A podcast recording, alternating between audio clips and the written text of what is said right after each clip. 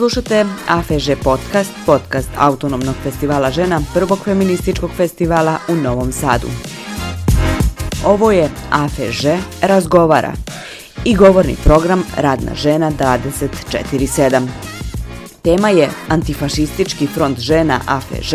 istorija i teorija koji je vodila Nađa Bobičić, Beograd. Dobar dan i dobrodošle. Danas smo na prvom dijelu AFŽ-ove e, konferencije. S desne strane skroz tamo je Nađa Bobičić, književna kritičarka i socijalistička feministkinja. Osnovne i master studije opšte književnosti s teorijom književnosti završila je na Filološkom fakultetu u Beogradu. Potom je završila master i doktorske studije roda na Fakultetu političkih nauka u Beogradu s dizertacijom u jugoslovenskom socijalističkom feminizmu. Bavi se istorijom razvoja i savremenim pristupima koji nastaju na presjeku feminizma i marksizma kao i kvir teorije. Saradnica je Centra za ženske studije u Beogradu i suosnivačica grupe Pobunjene čitateljke. Zdravo svima. Evo, sad je 5 do 5, pa ću se truditi da do 5.25 ovaj, završim svoj dio. Možda ću neki malo skratiti, ali ovaj, da se uklopimo. Ja sam dobila kao zadatak od Maje koji je u isto vrijeme uvijek inspirativan, ali i krajnje zahtjevan, a to je da govorimo o AFŽ-u. Ne o AFŽ-u na kom smo danas, nego o antifašističkom frontu žena. I ovaj, htjela bih u stvari da da nekako pokušamo da smjestimo to što je bio antifašistički front žena i taj pokret koji mi svima i dalje vrlo inspirativan u nekakve tokove onog vremena, zato što mi se čini da bilo da ste čuli za antifašistički front žena ili još uvijek, mislim, ako ste čuli makar i usputno, to hoću da kažem, pretpostavljam da ste čuli o 100.000 žena koje su bile učesnice NOBA, o tom velikom učešću žena kao aktivnih sudionika Borkinja u, a, u toku drugog svjetskog rata, što je najveća armija žena otprilike u Evropi, a, tog vremena. I sigurno ste čuli neku vrstu mita o AFŽ-u, bilo o njegovom zasnivanju, o njegovoj razvoju, bilo njegovom ukidanju, dakle uvijek se AFŽ vezio uz ne, ne, ne, neku mitsku priču koja je potpuno i ok, čini mi se, jer živimo u kontekstu krajnjeg revizionizma, u kontekstu u kojem se zamagljuju, svi znamo, granice između antifašista i fašista, gdje se pokušava relativizovati istorije drugog svjetskog rata do granica, da nednom imamo rehabilitacije Nedićevaca, Ljotićevaca, Četnika i tako dalje. I u tom smislu svaki mit koji je, čini mi se, svoje progresivne strane, antifašističke strane nam je нужен, i nije problem da mi pravimo i mitove od te vrste ženske borbe, ali možda osim tog mita ili osim nekakve dekontekstualizovane priče o grupi žena koje su se borile u drugom svjetskom ratu, možemo i da je pokušamo da situiramo taj, e, tu um, organizaciju, ogromnu organizaciju koja je nastala u toku drugog svjetskog rata, da vidimo malo kako je do nje došlo, kako se posle razvijala i kako je u krajnjem i ukinuta ili šta se dešavalo i posle. Naravno, to je jedna ogromna istorija i sad u pola sata ne mogu baš sve da kažem, ne znam u pola sata sata, nego prosto nemoguće, ali ajde samo da pokušamo nekakve osnovne tačke razvoja da vidimo i prosto mislim da i kad pravimo mitove sa ove progresivne strane, koji su nam zaista potrebni, da možda ne moramo da upadamo one vrste mitologizacije u kakvu upadaju desničari i konzervativne struje, da nekako dekontekstualizuju istorijske događaje, da ih posmatraju samo isključivo iz naše perspektive da ih svode na crno-bijele nekakve verzije onako uprošćenih događaja uprošćenih odnosa, kad su oni ipak bili malo komplikovaniji. Mislim da nama, naravno da nema, da, da nam treba antifašizam i treba nam poštovanje ili AFŽ i inspiracije njima, ali nam ne treba da ga da ga svodimo na nekakve kako bih to rekla, na nekakve pretpostavke o tome kako je to samo ženski pokret. Naprimjer, mislim da je to glavni problem s koji ću danas pokušati da se ovaj, da, da ga nekako dekonstruišemo pomalo, možemo i zajednički, znam da je od sad vidim tu neko, iz publike nekoliko ljudi koji se bave ovim razvojima i a, mislim da a, kad smo pričala Maja i ja za današnji dan, mislila sam da će u publici ipak biti ljudi koji možda nisu čuli više za PŽ i mislila sam da malo i uvedem, ali mi se čini da većina vas u stvari se već time bavila ovako ili onako, pa ću onda preskočiti ovaj osnovni dio, odnosno uvodni dio u kojem sam zamislila da počnem dekontekstualizacijom Bele Pok. Znači, poslednjih recimo 15 godina vidimo u pop kulturi da se prikazuje kraljevina Srbije kao nekakva to kao Belepok, kao ulickana, građanska zemlja, sa tim nekakvim bogatim ljudima, obučenom i svijetlu robu, onako lijepog života, što je sve suprotno od onoga kako je kraljevina Jugoslavija u stvari izgledala. Znači, bila jedna siromašna, nerazvijena, kolonizovana, ne, ne, nejednaka zemlja u svakom mogućem, mislim, smislu, otprilike kao trenutni region iz Srbije, naravno. Ti Aleksandrovske te politike ovaj, nam se izgleda ponavljaju u tom smislu, dakle, kad pričamo o periodu međuratnom u Jugoslaviji, pričamo zaista o jednom sistemu koji je, koji ni na koji način ne možemo romantizovati, naprotiv. I u tom kontekstu, dakle, potpune, potpune diktature u smislu,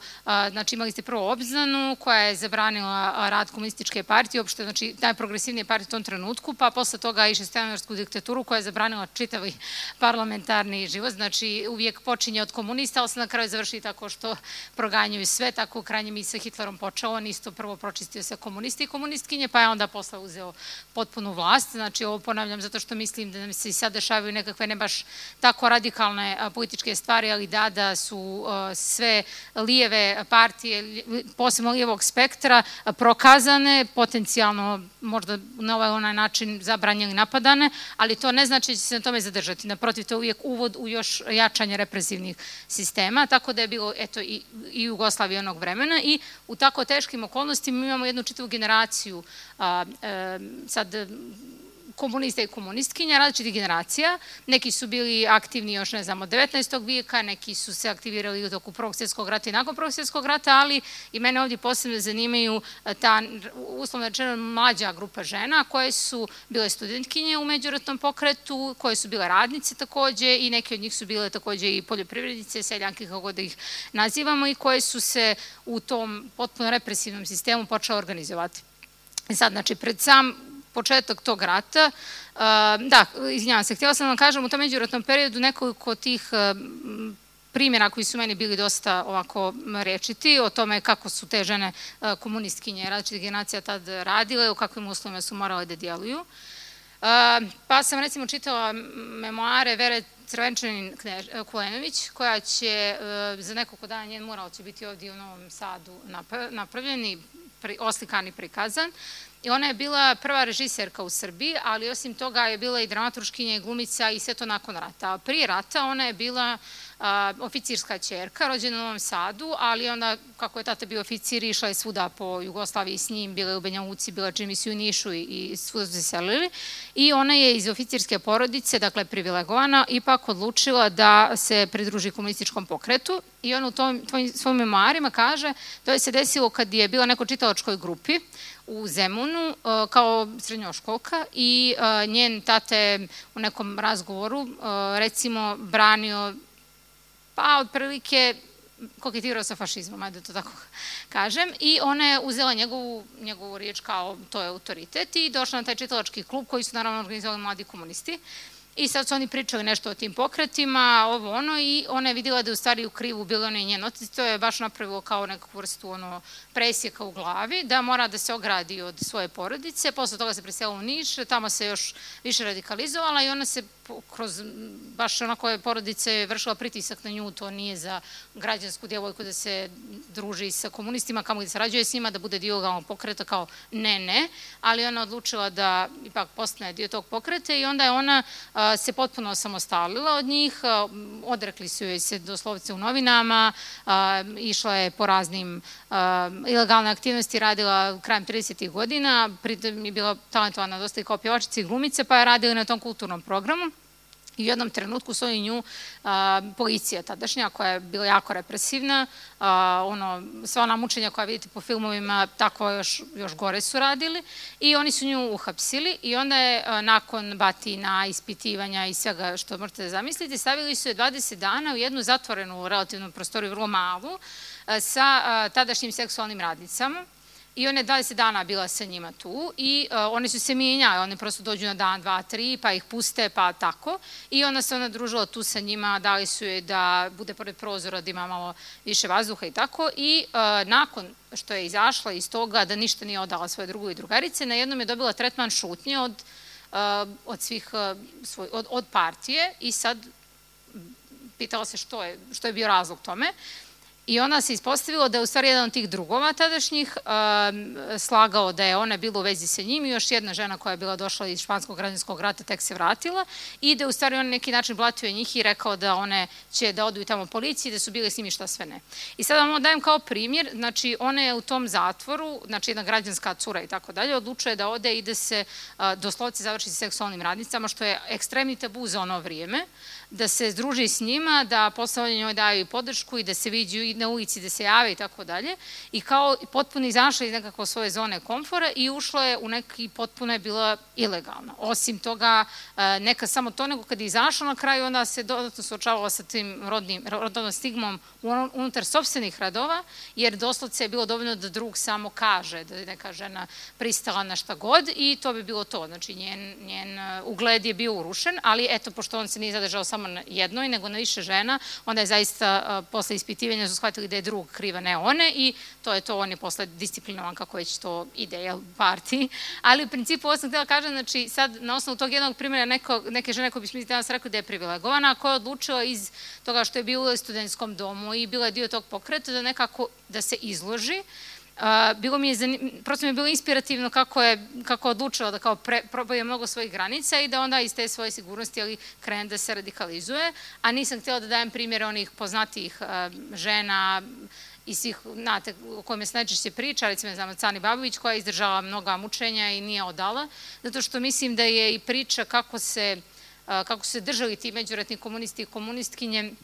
isto sklona, e, malo se takođe mitologizuje, u smislu sad mi možemo da imamo neku, neku, neki kritički otklon prema tome, ljudi popuste u kranjem, ali bilo mi je zanimljivo ovaj slučaj zato što kao ona nije dovoljno bilo za ženu u tom pokretu ni, ni kao da, da izdrži sve to u policiji, nego još mora dodatno se tako. Zato mi je prosto bilo simptomatično za, za taj njihov odnos, ali jeste činjenica da su pokušali a, ti komunisti od 27. godine, od kad je Tito a, a, u Zagrebu imao, izvinjavam se samo zbog vjetra, da, kad je Tito u Zagrebu imao taj a, tu odluku je donio on e, uz podršku drugih, e, drugoj drugarica da uključe žene više. Ona je počela komunistička partija da se baš dosljedno bavi time da uključuje žene, ali je to bilo mnogo izazova da se one zaista postanu tu ravnopravne i nisu odustale, bile su vrlo odlučne. E sad, pred sam rat, su se stvari dosta komplikovale, znači imali ste osim svih tih mučenja, osim toga da su te žene morale da budu u teškoj disciplini, u smislu da ih ne bi policija uhvatila, da se ne bi nešto odalo, onda su one imale i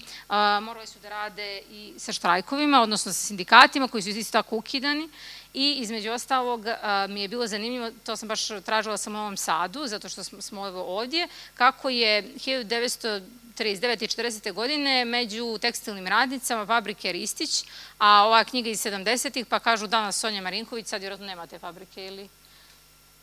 dobro, ako neko bude znao posle, možda da nam kaže,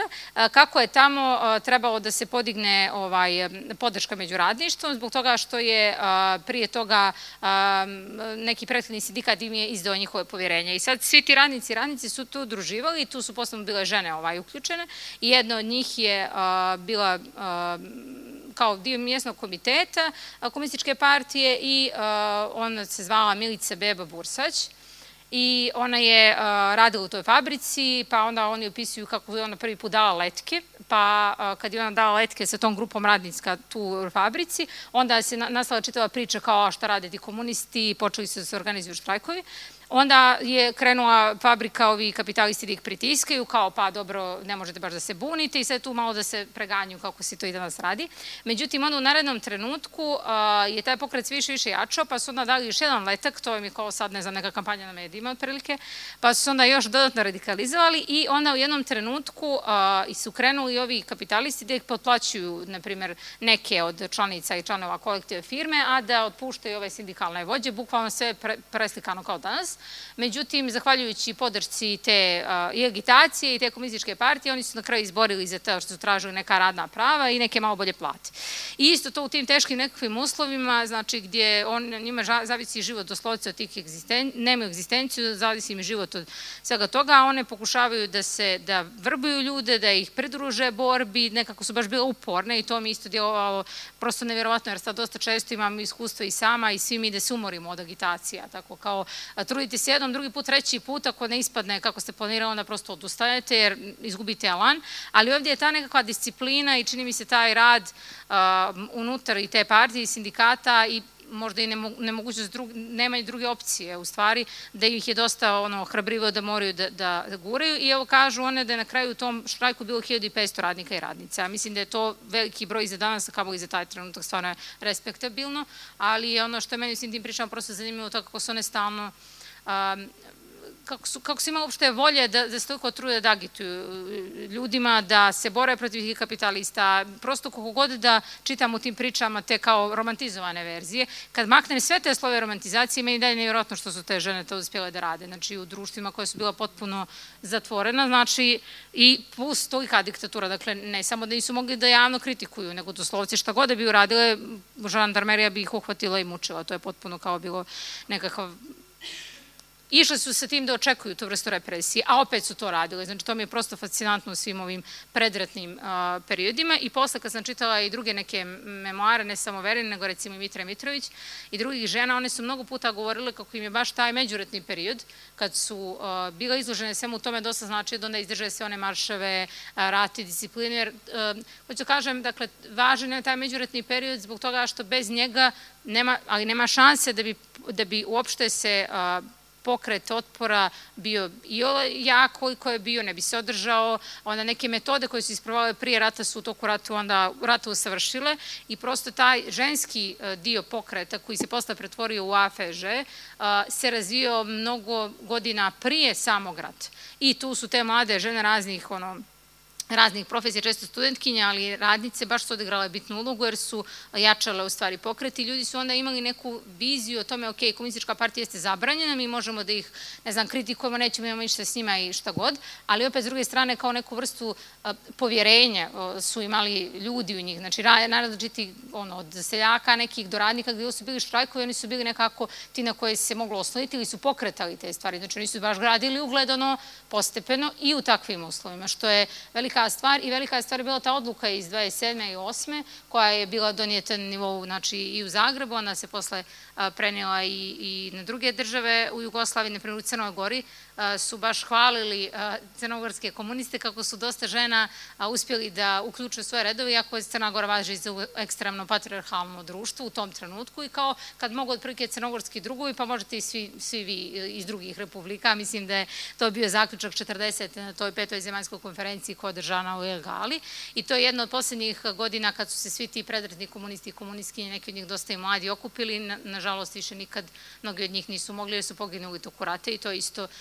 ima jedna scena takođe kod Vere, ona opisuje kako se srega nekoj livedi recimo blizu Avale, znači samo da proslavljaju okupili su se i došla je policija i pucala u nenaoružane ljude i pobila ih je dosta. I kao, to je to, to je, mislim, bila njihova realnost, ali eto, osim toga što su imali tu volju, još nešto mi je bitno da istaknem za taj predratni period, a to je da su oni se sve vrijeme paralelno bavili teorijom odnosno razvojem te svoje ideološke političke svijesti. Dakle, nije bilo vremena za to da se samo na pamet ide bez discipline, ali nije bilo ni vremena za to da se ide bez cilja i bez jasnih poenti političkih, što između ostalog govori da je 1940. jedna slovenačka slovenačka komunistkinja Vida Tomšić je dobila zadatak da pripremi kao referat o tome kako će komunistička partija Jugoslavije pristupi ženskom pitanju. I onda ona išla, čitala neke knjige, raspitivala se, čitala je ove klasike marksizma, mislim i o, ne, nije, nije Aleksandru Kontaj direktno, ali Klaura Cetkin je čitala, onda inspirisala se tim iz izvinjam se, teoretičarka kam je aktivistkinjama iz prve druge internacionale i onda ona sastavila taj nekakav program komunističke partije i e, tu je zaključila nekoliko stvari, odnosno oni su pročitali na toj konferenciji e, ključne zahtjeve. Jedan je bio zaštita materinstva, ukidanje svih razlika među bračnom i vanbračnom djecom. Znači, mi govorimo o 1940. godini, mislim da vam ne moram govoriti šta se tad, koji je bio položaj žena, kamoli kako se pristupalo tim raznoraznim bračnim i vanbračnim reproduktivnim pravima, Maja će sad više o tome govoriti. Onda, ukidanje dvojnog morala, E, samo, samo, da, ukidanje dvojnog morala u našem javnom i privatnom životu, uvođenje građanskog braka i mogućnost razvoda. Ovo je isto, dakle, u trenutku kad se to predlaže kao opcija je 15 koraka, odnosno ono šta je bilo pod, pod tim treće, pravo na rad, za jednak rad, jednaka plata, mi i dalje to nemamo zaštite žena na radu, zaštitno zakonodavstvo, pristup ženama u sva zvanja koje odgovaraju njihovoj stručnosti i sposobnosti. Ovo je bilo vezano za taj period jer žene doslovci su po zakonima prema učiteljice, neke su morale da daju otkaz, ako je njihov muž učitelj ili tako, neke bile su potpuno hiljadu nekih prepreka za žene, prosto su im neka zanima je bila zatvorena. I naravno pravo na radi jednaka prava je i dalje neostvareno. I četvrto, priznanje svih političkih prava, prije svega pravo glasa, što predstavlja najvidljiviju, najglasniju, najizraženiju afirmaciju žene kao punopravnog građanina i jedno od najelementarnijih političkih prava savremenog civilizovanog sveta. Još jedna od tih tema koje su bile pred rat, baš ono, goruće o Jugoslaviji, su bile teme prava za žene, pravo glasa i tu su bili neki sad sukobi između ovih mlađih komunistkinja i starije generacije feministkinja, da li da se idu radikalne zahtjeve ili ne, naravno ove komunistkinje su, su to povukle, onda su krenuli da se prave neke peticije, to su stotine hiljada žena na koje popisalo te peticije da su za opšte pravo glasa žena, znači to je bilo opet pred rat, jer mi isto kad god se sjećamo kažemo aha 45. ne znam žena je bilo pravo glasa, izborilo pravo glasa kako god, ali u stvari imamo zahtjeve i još i prije rata, što je isto bitan taj kontinuitet u stvari. I uh, još jednom bih samo htjela da napomenem, pošto ja dolazim iz te marksističke tradicije, a to je sledeće. Kad su meni predavali feminizam, u sve uvažavanje svih uh, struja feminizma, možda nekih i ne, ali ovaj, sve, sve uvažavanje uh, tog znanja koje sam dobila, nama su govorile da su se pravo glasa borile sifražitkinje. Ništa detaljnije od toga nismo dobili, gledali smo one filmove, vjerojatno ste svi vi gledali te filmove s fražitkinjama i otprilike rijetko ko ako je pomenuo da se većina njih borila za pravo glasa žena koje su imali imovinu i koje su bile klasno privilegovane, to bi se pomenuo ili ne, ali eto. Međutim, niko nije meni pomenuo u tolikim godinama obrazovanja iz feminizma, činjenicu da su prvo socijaldemokratske partije, pritom prije svega Njemačka socijaldemokratska partija na čelu sa Klalom Cetkin zahtijevale opšte pravo glasa za sve žene. To je prosto istorijska činjenica i to se desilo već krajem 19. vijeka, a, a naravno su one se podržavale sa sifražetkinjama i imale su one i te nekakve zajedničke akcije ovo i ono, ali u principu, znači ona partija, prva partija koja je pozivala na opšte pravo glasa je bila socijaldemokratska partija, ne samo u Njemačkoj, već i nisu sve socijaldemokratske partije bile za to, neke su pristale na ta neka polurešenja, ali u principu uz to razmišljanje o potpunoj promjeni društva, o nadolasku radničke klase i njihove vlasti je išla ideja da je potrebno omogućiti pravo glasa svima, što znači svim ženama i svim radnicima, znači ne samo pojedinim ženama, ne samo pojedinim radnicima. Opet kažem, u samim pokretima komunističkih partija bilo je tu svakakvih ono, i debata i nekakvih konzervativnih struja sa kojima su onda nosili, ne znam, i, i Lenin i Tito i svi ovi velike figure koje pominjemo, znači nije to išlo glatko, ali jeste krenulo iz, tih, iz, iz te struje, što opet po meni niko nikad nije rekao, dok se nisam informisala sama, između ostalog zato što kod nas ima vlada jedno Pa vada jedan zaborav istorije ženskoj emancipaciji koji dosta često se završi tako što se s jedne strane mitologizuje ova AFŽ do kojeg ću ja sad doći jer možda 10 minuta, a neka sam počela prva jer kao Maja, Maja rekla da možda neće stići i o, da, znači imamo, imamo, imamo tu mitologizaciju AFŽ, ali s druge strane imamo potpuno zaboravljanje nekih suštinskih borbi što je zbilja pa na granici jedne vrste revizionizma. Isto pitam se zbog čega, ali okej. Okay sad smo nekako došli da se to prevaziđe. E sad, u toku rata imam sad tu brdo primjera, ali sam htjela da kažem, evo da nekoliko ću vam dati primjera koji mislim da su isto inspirativni. Na primjer, Neda Božinović je bila jedna od tih studentkinja predratnih koja je išla po tako tim, djelovala je ilegalno u Beogradu i sve i one, uh, da ide u, u Nikšić, u taj kraj i uh, ona, uh, ona je napisala knjigu o položaju, o istoriji uh, ženske borbe u Srbiji 19. 20. vijeku, ali nije napisala svoje perspektive, nego sam ja morala, kad smo radili neko istraživanje za strip o njoj, da tražim ona dokumenta um, kao saopštenja koje su razmjenjivali u toku rata, bukvalno različite jedinice, pa je sad ona bila u jednom trenutku politička komesarka te jedne jedinice i pisala izvještaje. Znači, nije, nije direktno je pisala to ti godina, ali nije nikad pisala i svoje perspektive, što isto dosta simptomatično, napisala čitavu istoriju žensko, ženske borbe, ali nije nikad sebi dala tu priliku da kaže kao iz ja. E sad, dobro, na osnovu rekonstrukcije toga, ona je bila u Nikšiću i sad, 41. godine, nakon pokreta 13. julskog ovog ustanka, oni su dosta bili veliki poleti. Žene su uglavnom bile ili su pomagale da čiste robu ili da pomažu eventualno nekim ranjenicima i tako, nisu bile uključene direktno u borbu i uh, neki drugovi tako su isto bili malo konzervativni, pa šta će one tu, ako bi neka htjela možda i da uzme pušku, onako su je gledali malo nepovjerenjem, naravno otvorila se tema da li one smiju da nose pantalone, ne, morali su da nose suknje i tako. I sad, sad piše Neda Božinović tom nekom drugom tilu u kojem se on obraća, kaže pa bio je, bili su neki drugi malo konzervativni, nisu dali ženama da se uključe ovo ono, međutim onda dolazi 42. 42. znači i uh, pad tog entuzijazma, već počinju da ih se svih radnih strana pritiskaju ovaj, tadašnje antifašiste, već se rad zahuktava i sad na jednom drugovi su bili malo otvoreni za to da dođu žene i da uzimaju puške, odnosno da budu uključeni kao borkinje iz doslovce nužde. Međutim, onda se desio problem što su one bile dosta nepripremljene i onda dosta njih poginulo i bez, e, bez potrebe, možda jer nisu bile ušte pripremljene, bile su srčane da dokažu da i one mogu. E, I to je bilo već na 42. i sad tu imamo manje više ovaj, tako u različitim krajevima, sada ja sam dala primjer Nikšića, ali bilo različitih krajeva, negdje su bile znate, i silni pokolji, ustaše i tako, pa sad je tu bilo na drugačiji način kako su se ljudi ovaj, organizovali da uđu u nob, kako, su, kako je bilo u tom zbjegu i tako. I um, recimo jedan od isto tih primjera jeste Kata Pejnović, pošto je ona sad nam bitna iz AFEŽ, njen primjer je ona izgubila tri sine i, i muža. I ona isto bila mitologizovana u toku SFRJ-a, potpuno zaboravljena u posljednjih 30 godina. I ona je nakon tog tragedije odlučila, i to iz, iz ja ona govori u nekim intervjuima, da bude učesnica kao u borbi i da se baš kao ne da, da se osveti neki način. I mnogo tih žena nakon tih tragedija koje su im se desile prve, druge godine rata je odlučilo da se angažuje u neku ruku da budu kao djelatne, ne da budu samo žrtve, što je bio izbor koji jedni su vidjeli kao izlaz da budu dio komunističke partije. Neki od njih su bili i ranije u komunističkoj partiji kao, kao i ta Kata i njena porodica, ali neke su stvarno našle tu izlaz i mogućnost da budu da budu dio borbe neki način, da i one mogu da se, da se uključe. I um, ono što mi je zanimljivo jesu tu i te generacijske razlike između različitih žena, između toga da su neke mlađe u tim, uh, po, u tim jedinicama kad su se okupljale, na primjer, učile starije kako da pišu ili nekakva osnovna reproduktivna uh, ono, znanja, higijenska i tako dalje. I to je išlo tako manje više um, različitim razvojom, različitim republikama i različitom dinamikom. Uh, na primjer, 42. već u toku ljeta su bili neki, zvali su se isto i AFŽ,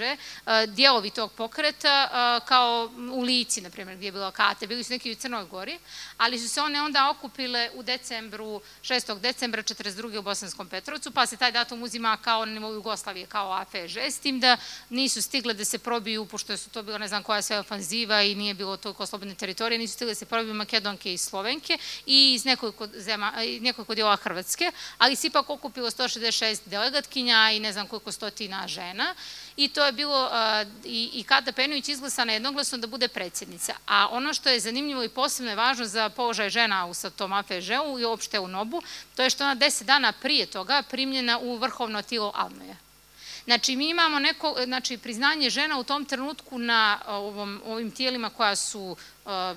ključna tijela i paralelno osnivanje tog nekog tijela koje je vezano isključivo za žene, za antifašistske. Znači, mislim da je to jako bitno i zbog eh, toga da vidimo koji je bio položaj njihov u toku rata i u krajnjem kako je taj AFEŽ bio, bio, ne, bio dio izvinjavam se, bio dio tih širih pokreta političkih i a, opšte antifašističke borbe, nije bio autonomni u jednom trenutku. U smislu autonomije, kad kaže, mislim da je, znači, vodile su ga komunistkinja, vodila ga je Cana Babović, koja je bila isto predvrna komunistkinja, vodila ga je Kata Penović i ta, taj spoj je važan zbog dvije stvari. Jedna stvar jeste a, zato što su one, jeli, predvrne komunistkinje, jedna je radnica, druga je poljoprivrednica, seljanka, a, a to je i onda su bili neke studentkinje. Znači, mi imamo interklasnu, inter, kako bismo to nazvali, saradnju i drugo, to je bio način da se prevaziđu njihove nacionalne podjele. U smislu, znači, vi imamo trenutak u sred rata kad imamo strašne zločine od strane Četnika, Ustaša, Nedićevaca, znači, ekstremne nacionalističke zločine i kao neku vrstu kontra toga AFEŽ i uopšte vrh komunističke partije odlučuje da u stvari žene imaju zajedničke te jedinice, zajednički rade u AFEŽ-u, da se zajednički okupljuju nekim mjestima, imaju tačno svjedočanstva kad su okupljale žene različitih nacionalnosti, da pomažu jedne drugima, ne znam, sa hranom, sa odjećom, na bilo koji način i u stvari njihov odgovor na nacionalizam i na užasna desničarska razaranja je bio da osnaže i žensku solidarnost. Što je isto nešto što uglavnom, kad nam se priča, ali meni, možemo možemo i da diskutujemo posle, uglavnom se govori samo iz feminističkog ugla i samo sjećanje koje važi nekih 30 godina. A onda kad se sjetite da su, na primjer, žene kao što su Neda Božinić već pominjana, bile i u predratnom feminizmu, pa i u toku rata, pa su onda bilo 90-ih u ženama u crnom, vi u stvari možete da izvedete jednu drugu vrstu uh, i genealogije i saradnje, samo ukoliko se pristupi tom AFEŽ-u i NOBU ne samo iz jedne perspektive no, novotalasnih feminizama od 70. godina. Znači, mi možemo da vidimo i neke druge veze, ne moraju biti direktne, ne moraju čak, mislim, mi možemo da se inspirišemo jednim i drugima, ali mislim da je taj nivo saradnje internacionalna, internacionalna, pa internacionalna, mislim sad između tih na, na, naciona u Jugoslaviji, bio praksa koja je bila već e, i dio AFEŽ-a, što isto nije nešto što bi se sad često, nije prva asocijacija, uglavnom se govori samo, aha, to je neka grupe žena, ne, ne, ne govori se o tim a, političkim aspektima. I sad, dobro, sad tu imaju to njihovo okupljanje, AFEŽ pre, pre baš sam baš sam probila ovo vrijeme, ali izvršit ću za tri minuta, kad se se okupile, kao idu ti opisi, kako su one bile, evo tu mi je opis kako je ta konferencija u sred rata, znači de, haos je, zima je, mislim, možete zamisliti sve najgore, a one se onda okupljaju i ona kao pune su entuzijazma, dolazi Tito, on kaže, on je ponosan što je na čelu part, ovaj, e, pokreta koji ima toliko žena. Onda one uređuju te prostore tako da to bude kao prijatno, bukvalno prve čitavu produkciju i ona i pomažu im slikari da oslikaju sve. I znači, kao, imate sve te opise, toga svega nekakvog poleta usred tog užasa. I ono što je mene evo pogodilo i danas kad sam opet prelazila bilješke da se pripremam za predavanje jeste, uh, i danas sam rekla svoje drugarici s kojom sam došla iz Beograda u vozu, uh, kažu kako od dana kad su pozvali svim tim delegatkinjama, znači svih tih različitih republika, kada se okupe u Bosanskom Petrovcu, dok e, su se okupile prošlo mjesec dana. Znači, one su za mjesec dana prošle sve moguće neprijateljske teritorije, pola njih su izbjegli iz najgorih uslova, neke su prelazile, znači decembar je po najgoroj hladnoći,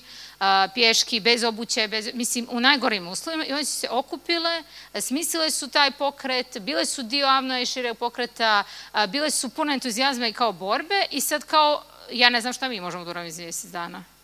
Mislim, krajnje je nekako... I sa internetom. Zato što, evo, ok, bio nam i COVID i sve, ali stvarno me porazilo to, jer evo mi pokušavamo da pravimo različite ono, uh, udruženja, kongrese, sastanke i tako dalje i uvijek je ne kao, ne možemo pa sad počnemo da planiramo pa do jesni. Pa kad se završi jesen, onda će nekad, ne znam, naredne, do zime 23. ćemo nešto da uradimo i onda kao čitamo i bukvalno sam kao,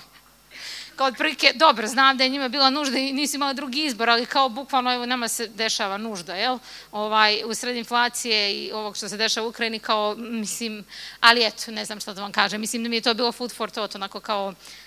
šta se sve možda mjesec dana uraditi, kad se hoće. Ovaj, I zato je meni isto zanimljiv taj AFŽ, ono kad, kad e, pogledate te neke konkretne stvari, to nije samo nivo mi tako, ah, da li su neke super žene, ono Marvelove nakinje, one se tu okupile, bile su same, to je nekakav feministički pokret, nego kao ono, to je rat, morale su da dođu, došle su.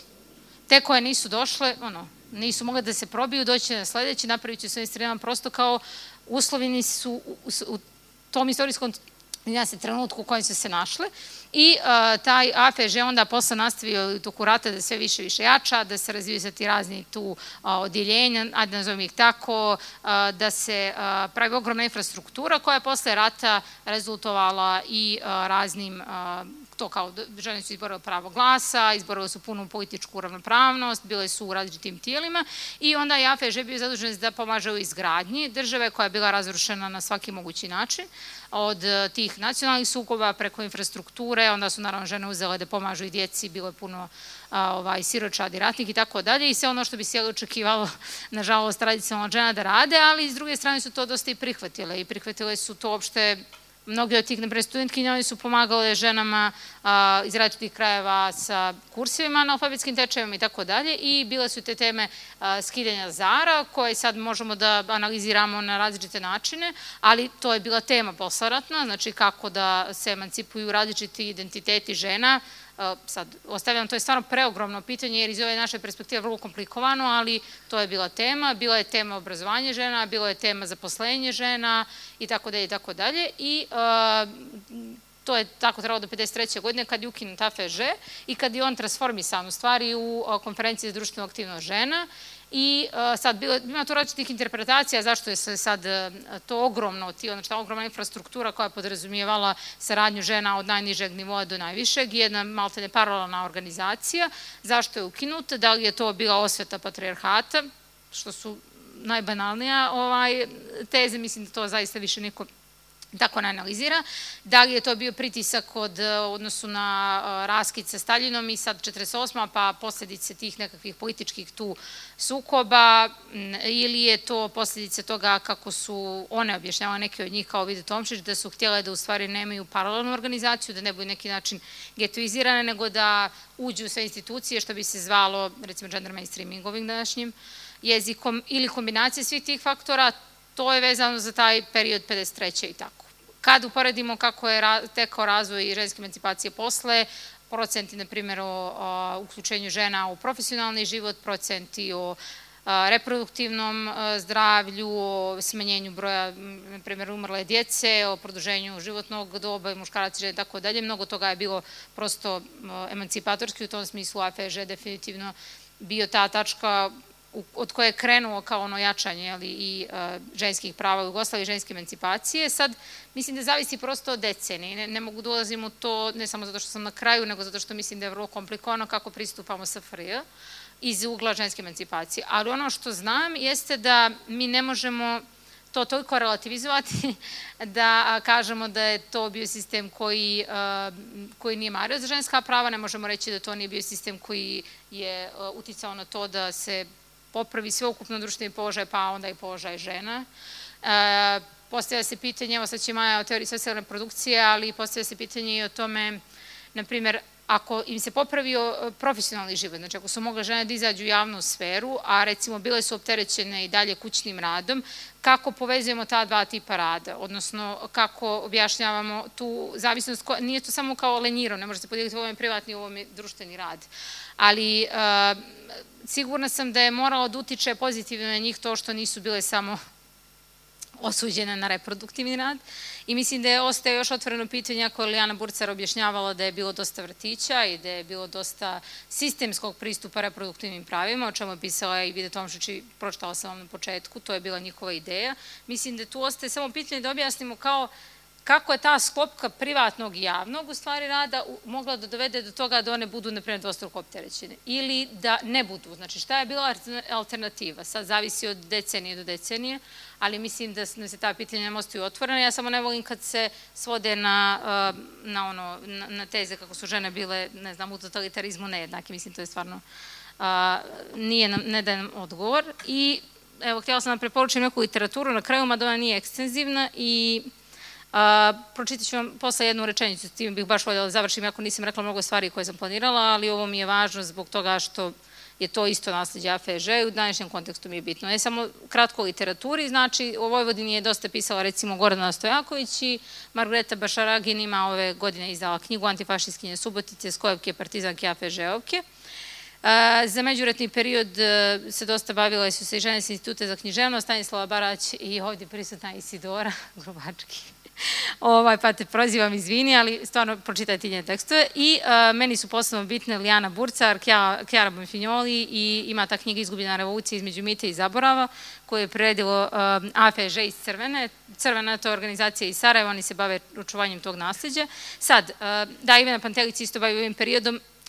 ja vam preporučujem sve ovo zato što mislim da stvarno su svi dobrovisti bitni i da su žene radile po um,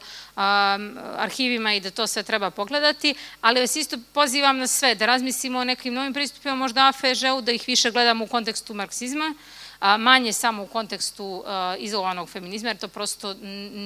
nije nije baš u skladu sa, sa istorijskim tokom u kojem je nastao AFŽ, znači to mi, je, to mi je prva stvar koja je bitna i drugo mislim da AFŽ treba gledati u odnosu na ove druge stvari, znači odnosu na pacifizam, antinacionalizam, znači ne samo kao e, rodne teme, reproduktivne teme i to, nego on bio dosta i politički e, zanimljiv. Znači mislim da možemo, kad bismo se opet vratili na AFŽ, ne samo da gledamo, to je bila ženska organizacija koja ukinuta, nego da vidimo koje on političke alternative nudio, jer, na primjer, evo danas, e, vi zna, vidite, vjerojatno pratili ste ili dijelom da se žene iz Ukrajine a, udružuju sa ženama iz a, Rusije koje su protiv rata. I u 90. isto u Srbiji i u Jugoslaviji isto bilo tako. Znači ti neki modeli koji su i prije postali ne mogu biti dalje aktuelni. I a, evo sad ću da završim ovom temom, ovo mi je stvarno bitan ovaj citat Mitre Mitrović,